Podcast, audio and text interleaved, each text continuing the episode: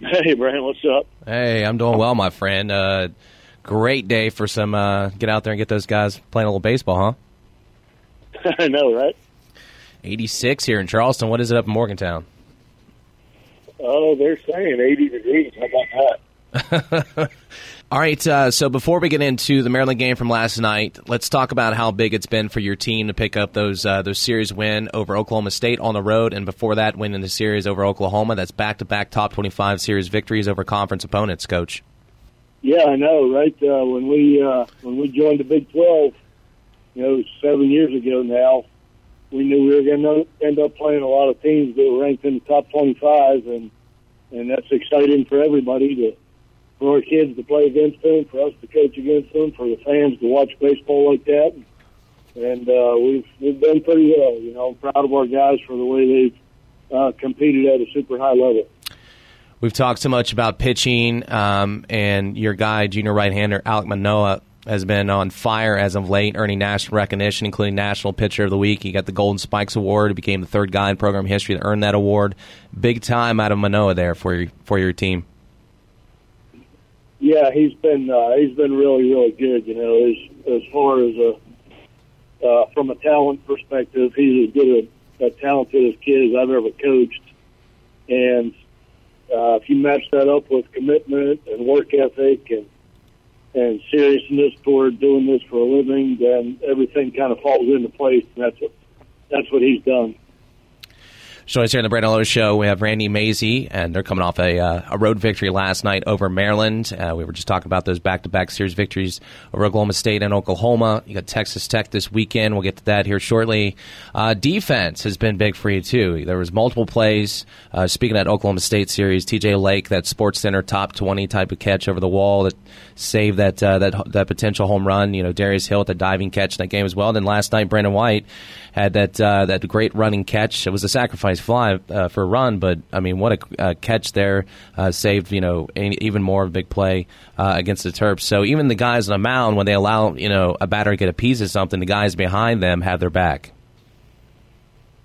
Man, that really helps. You have no idea how much easier it is to pitch when you know the guys behind you are going to make just about every play they can. You know, you, that affords you the ability to attack the strike zone, and not have to pitch around contact, and you know, when when you pitch on a team that doesn't play defense, you feel like you have to strike everybody out, and you end up nitpicking on the strike zone. And I think our defense uh, is a lot of the reason why our starting pitchers are going so deep into games this year, is because they they feel really good about the defense behind them.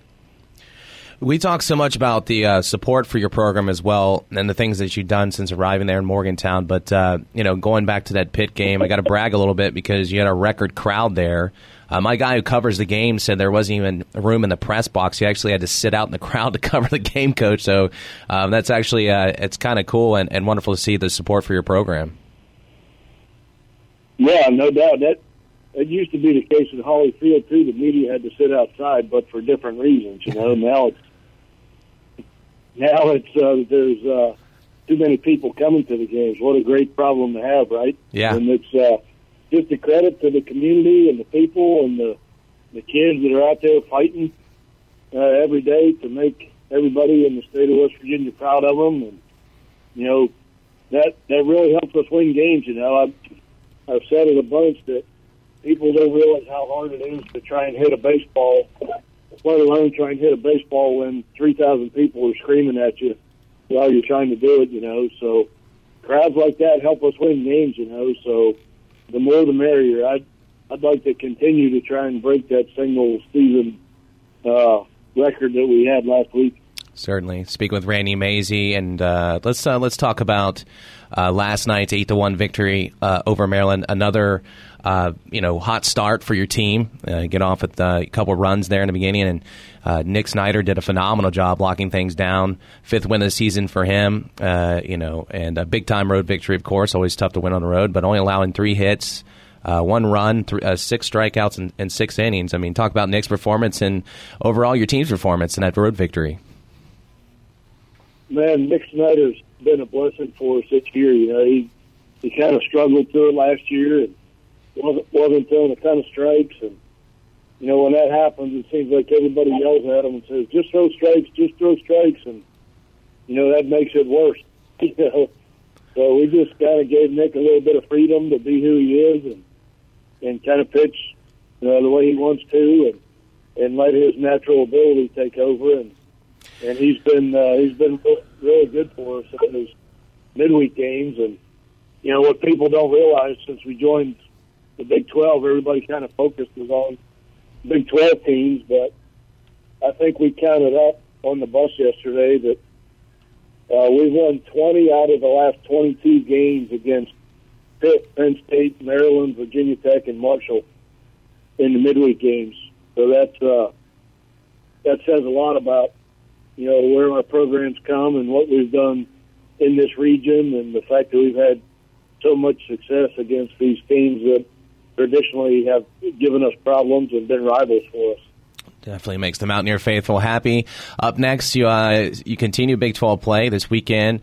Uh, nationally ranked, the Red Raiders coming to town and uh, give the listeners some of the keys on uh, what you're seeing out of this uh, Red Raider squad, the program as a, as a whole. If you haven't been able to come out and see the Red Raiders play there in Morgantown, what are some of the keys for you and your uh, and your guys to try to get this series victory?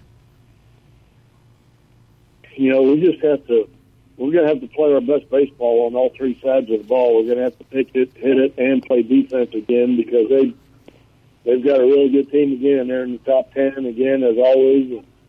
Been to the College World Series three out of the last five years, and uh, it's going to be a tough test. You know, there's no such thing as a as an easy weekend in our league, but this one just happens to be really really tough because of how talented they are. So uh, we're, we're really going to have to play well to have a chance to win this one.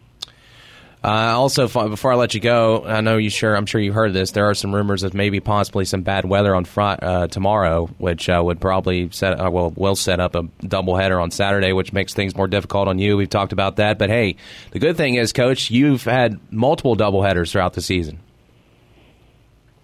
Yeah, you kind of get used to them, uh, and to be good at them, you got to play a lot of them, and we've we've done that, but uh, I don't worry about the weather. I'm going to steal a quote from uh, what we tell our recruits when we recruit them. That it's always sunny in Morgantown, so we don't we don't get caught up in the weather. We just uh, deal with it as it comes, and uh, whatever happens, happens. We're just going to try and win this game one pitch at a time. You're awesome, coach. He's Randy Mazey, uh, head baseball coach over there with the Mountaineers, and they're having a tremendous season. Uh, good luck this weekend, man. First pitch uh, tomorrow uh, is set for 6.30 saturday's first uh, pitch set for 4 o'clock and then the finale series finale sunday at 1 o'clock. So get out there and support the mountaineers. Coach always appreciate your time and good luck this weekend. Okay man. Thanks for having me